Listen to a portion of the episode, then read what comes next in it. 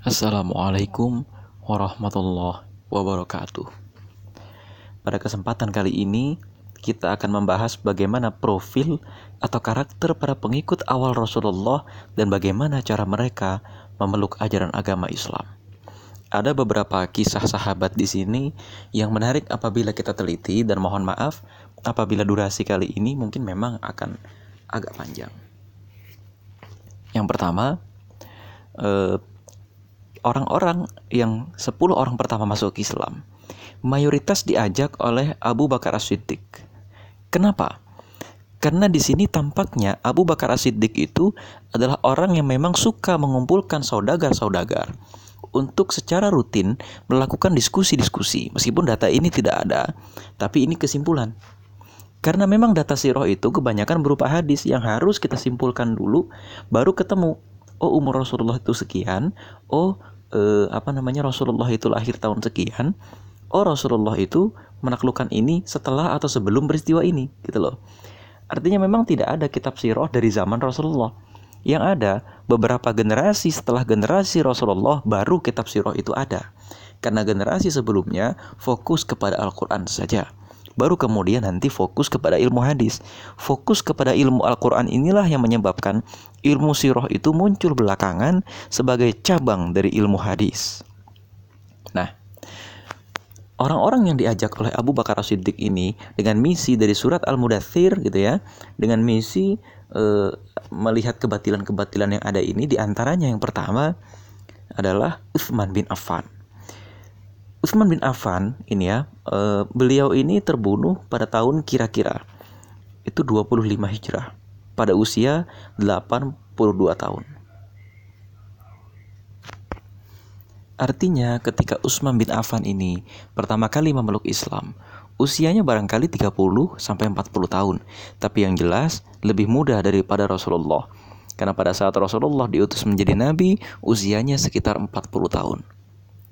Nah, Utsman bin Affan pada saat itu gitu ya digelari sebagai kesayangannya orang Quraisy. Karena memang dia memiliki paras yang tampan, itu yang pertama. Yang kedua sifatnya yang sangat-sangat lembut gitu ya sehingga kelak ketika dia menjadi khalifah banyak orang yang memanfaatkan kelembutannya itu untuk merongrong negeri Islam. Yang ketiga, Utsman bin Affan ini memang orang yang ketika berdagang tuh sangat berhasil sehingga tampaknya tidak ada hubungannya dengan kelembutan sifatnya ya dengan keberhasilan perdagangan. Karena artinya begini dagang urusan dagang gitu loh. Dan perdagangan Usman itu itu sangat luar biasa pada saat itu.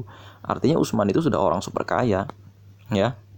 Barangkali Usman bin Affan kalau di masa sekarang memang adalah seorang unicorn atau bahkan dekakorn. Usman bin Affan ketika berdagang jelas mengikuti kafilah dari kabilahnya yaitu Bani Umayyah yang mengikuti Bani Abdul Syams. Artinya Bani Abdul Syams itu induknya, Bani Umayyah itu bani kecilnya, ya, bani bani sempalannya, bani keluarga kecilnya, gitu ya. Nah, ketika Utsman bin Affan mengikuti kafilah Bani Umayyah ini, ya berarti tersebutlah nama-nama di antara Bani Umayyah itu. Siapa saja di antara orang-orang Bani Umayyah itu adalah Abu Sufyan bin Harb, Muawiyah bin Abu Sufyan, gitu ya. Ada Al-Harb bin Umayyah yaitu bapaknya Abu Sufyan sendiri dan lain-lain. Apa istimewanya Bani Umayyah ini? Abu Sufyan ini nanti ketika Abu Jahal tewas dalam perang Badar, ini mengambil kepemimpinan Quraisy yang kita tahu pada saat Rasulullah itu diangkat menjadi nabi, kepemimpinan Quraisy ada pada Abu Talib. Ketika Abu Talib meninggal, kira-kira ketika uh, 4 sampai 5 tahun dakwah Rasulullah, gitu ya atau enam tahun setelah Rasulullah itu berdakwah kepemimpinan ya dijabat oleh Abu Jahal. Karena Abu Jahal itu memang orang yang menguasai peperangan dan juga perniagaannya sangat banyak. Tapi ketika Abu Jahal itu terbunuh dalam perang Badar Abu Sufyan dari Bani Umayyah segera bisa mengambil tampuk kepemimpinan. Ya artinya memang begini setelah tampuk kepemimpinan dari Abu Talib ini eh, tidak ada lagi gitu ya yang bisa melanjutkan terah kepemimpinan Bani Hashim jadi kepemimpinan itu bergeser dari keluarga besar Rasulullah bergeser kepada keluarga besar orang lain. Abu Jahal dari Bani Makhzum, keluarga besarnya Khalid bin Walid.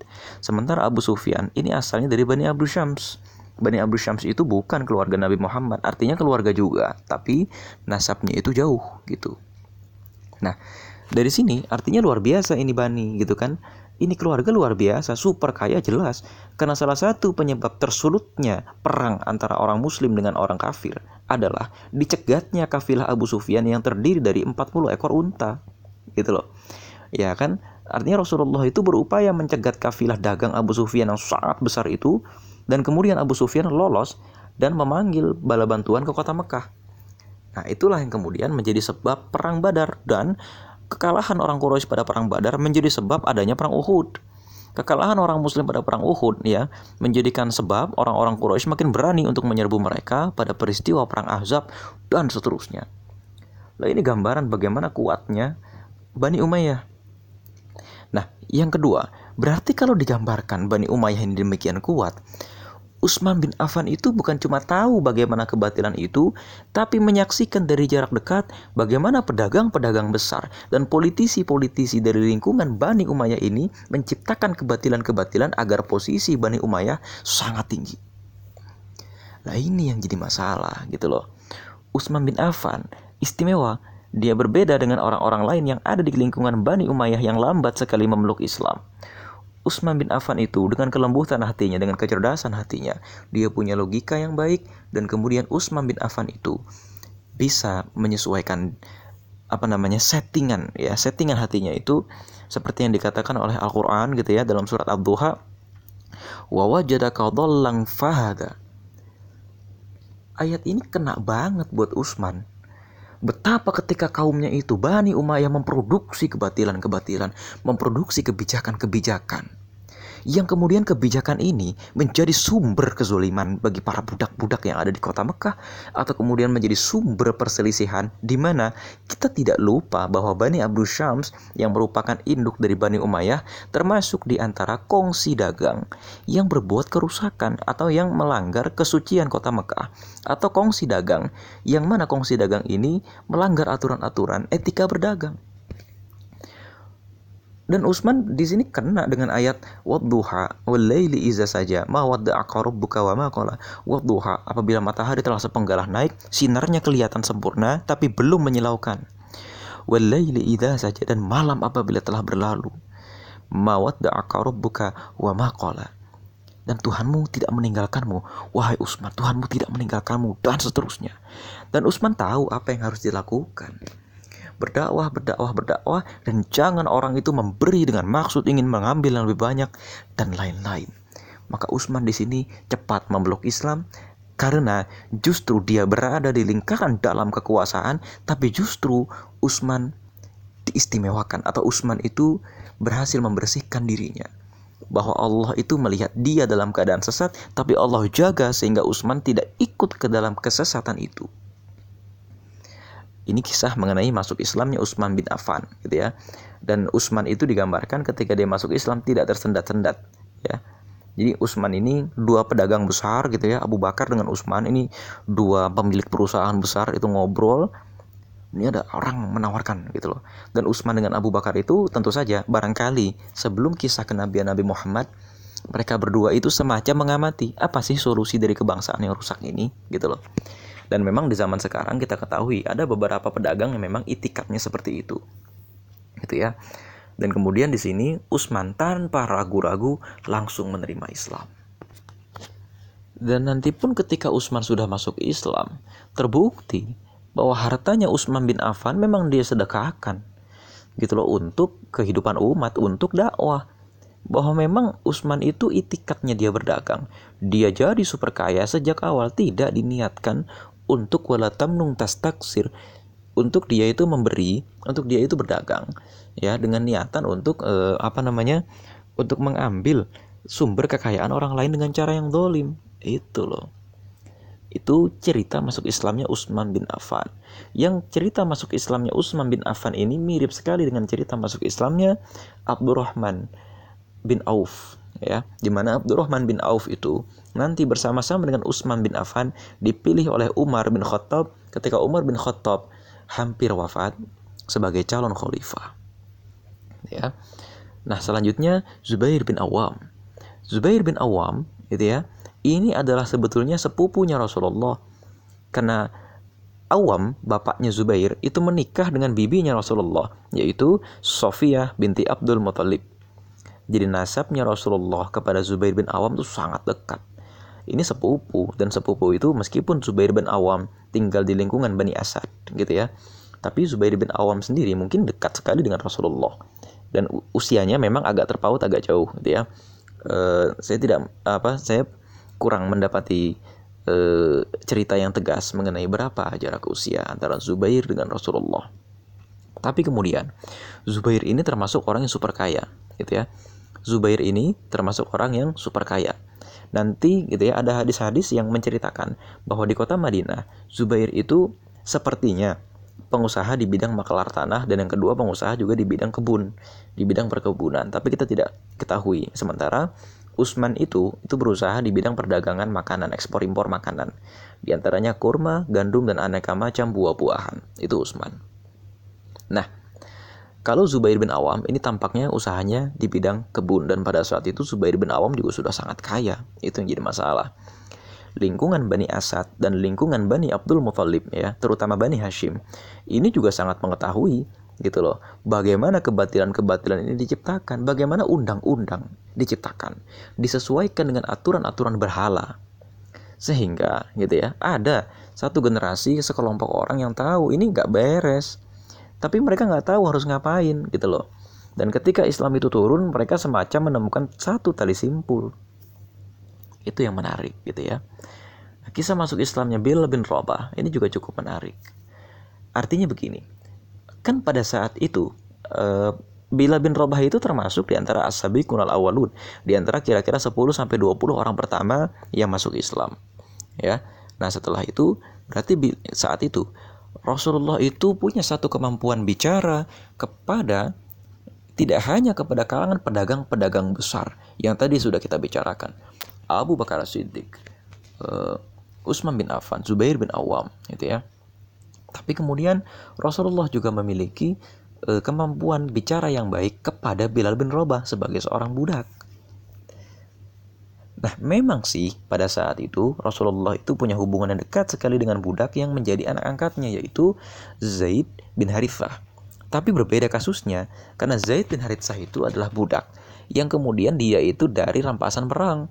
Dia aslinya orang merdeka, berbeda dengan Bilal bin Robah pada saat itu daerah Nubah ya daerah asal dari Bilal bin Rabah dari Afrika daerah Nubah namanya memang dikenal sebagai daerah penghasil budak ya memang dikenal sebagai daerah penghasil budak dan budak-budak dari daerah Nubah harganya sangat tinggi Bilal bin Rabah itu harganya sangat tinggi karena Bilal bin Rabah itu dalam sebuah hadis memang budak yang pandai sekali menyanyi maka dalam Islam Bilal bin Rabah itu kelak akan menjadi seorang muadzin yang melantunkan suara azan ya budak-budak dari Nubah sangat digemari oleh orang-orang Mekah dan orang-orang Romawi karena sangat pandai menyanyi. Suaranya bagus. Nah Bilal bin Robah ini kan udah susah. Bayangkan kalau orang semua keluarganya itu jadi budak. Negaranya dikenal sebagai negara budak. Dia sendiri ikhlas lahir sebagai budak. Dan kalau ada budak, anaknya lahir, ya sudah jadi budak juga. Tapi Rasulullah berhasil uh, mengangkat propagandanya kepada Bilal sehingga Bilal itu masuk Islam. Dan ketika menghadapi penyiksaan dari tuannya Umayyah bin Khalaf, Bilal itu harga dirinya bangkit sedemikian rupa dan bisa melawan. Bagaimanakah cara Rasulullah ini yang menjadi misteri? Tepatnya bukan misteri, tapi memang kita sendiri tidak melatih kemampuan bicara sehingga hanya segmented kepada satu kalangan saja. Ya, kebanyakan juru-juru dakwah yang lahir di dunia kampus saat ini itu bahasanya sangat tinggi sehingga tidak bisa bicara kepada kalangan masyarakat banyak. Dan sebaliknya, ulama-ulama atau juru-juru dakwah yang lahir dari kalangan masyarakat banyak ketika tampil di hadapan pemirsa yang lebih intelektual atau pemirsa yang secara ekonomi dan secara tingkat pendidikan lebih tinggi, bahasanya tidak bisa berubah. Sedangkan Rasulullah itu, bayangkan, barangkali paginya habis bicara kepada unicorn semacam Usman, sorenya bicara kepada budak-budak semacam Bilal bin Robah. Nah, di sini ini kisah yang menarik sebetulnya ya. Jadi kisah masuk Islam yang Bilal bin Robah sesungguhnya malah menunjukkan sisi pribadi seorang juru dakwah. Dan kalau kepada Abu Bakar Siddiq atau para rombongan-rombongan pedagang tadi, barangkali propagandanya adalah banyak pedagang-pedagang di luaran sana yang malah menyebabkan kebatilan atau malah menyebabkan berbagai macam penindasan ya. Maka kemudian kepada Bilal bin Rabah dikasih tahu bahwa kalian itu adalah korban. Diubah paradigmanya gitu ya. Bahwa yang tertinggi itu itu bukan masalah kasta yang tertinggi itu bukan aturan-aturan ciptaan manusia tapi karena Tuhanmu yang tertinggi maka kalian sesama manusia itu setara Isu kesetaraan inilah yang kemudian mengantarkan Bilal barangkali masuk Islam. Dan memang kemudian banyak di antara pengikut-pengikut awal Rasulullah itu yang merupakan budak. Memang beberapa pengikut awal Rasulullah itu pedagang, tapi setelah itu grafiknya agak menurun. Pengikut-pengikut Rasulullah itu nanti pada periode Makiyah itu kebanyakan orang-orang lemah. Kenapa? Karena memang propaganda semacam ini bermanfaat untuk meningkatkan harkat dan derajat orang-orang lemah. Dan rata-rata orang yang memerangi Rasulullah dari perang Badar hingga perang Uhud, rata-rata pedagang-pedagang besar kaya punya pangkat. Karena tahu ajaran agama Islam itu menyerang pangkat mereka. Itu di antara kisah masuk Islamnya uh, uh, ada dua orang sahabat besar yang kita bahas sekarang yaitu Utsman bin Affan dan Bilal bin Rabah. Assalamualaikum warahmatullahi wabarakatuh.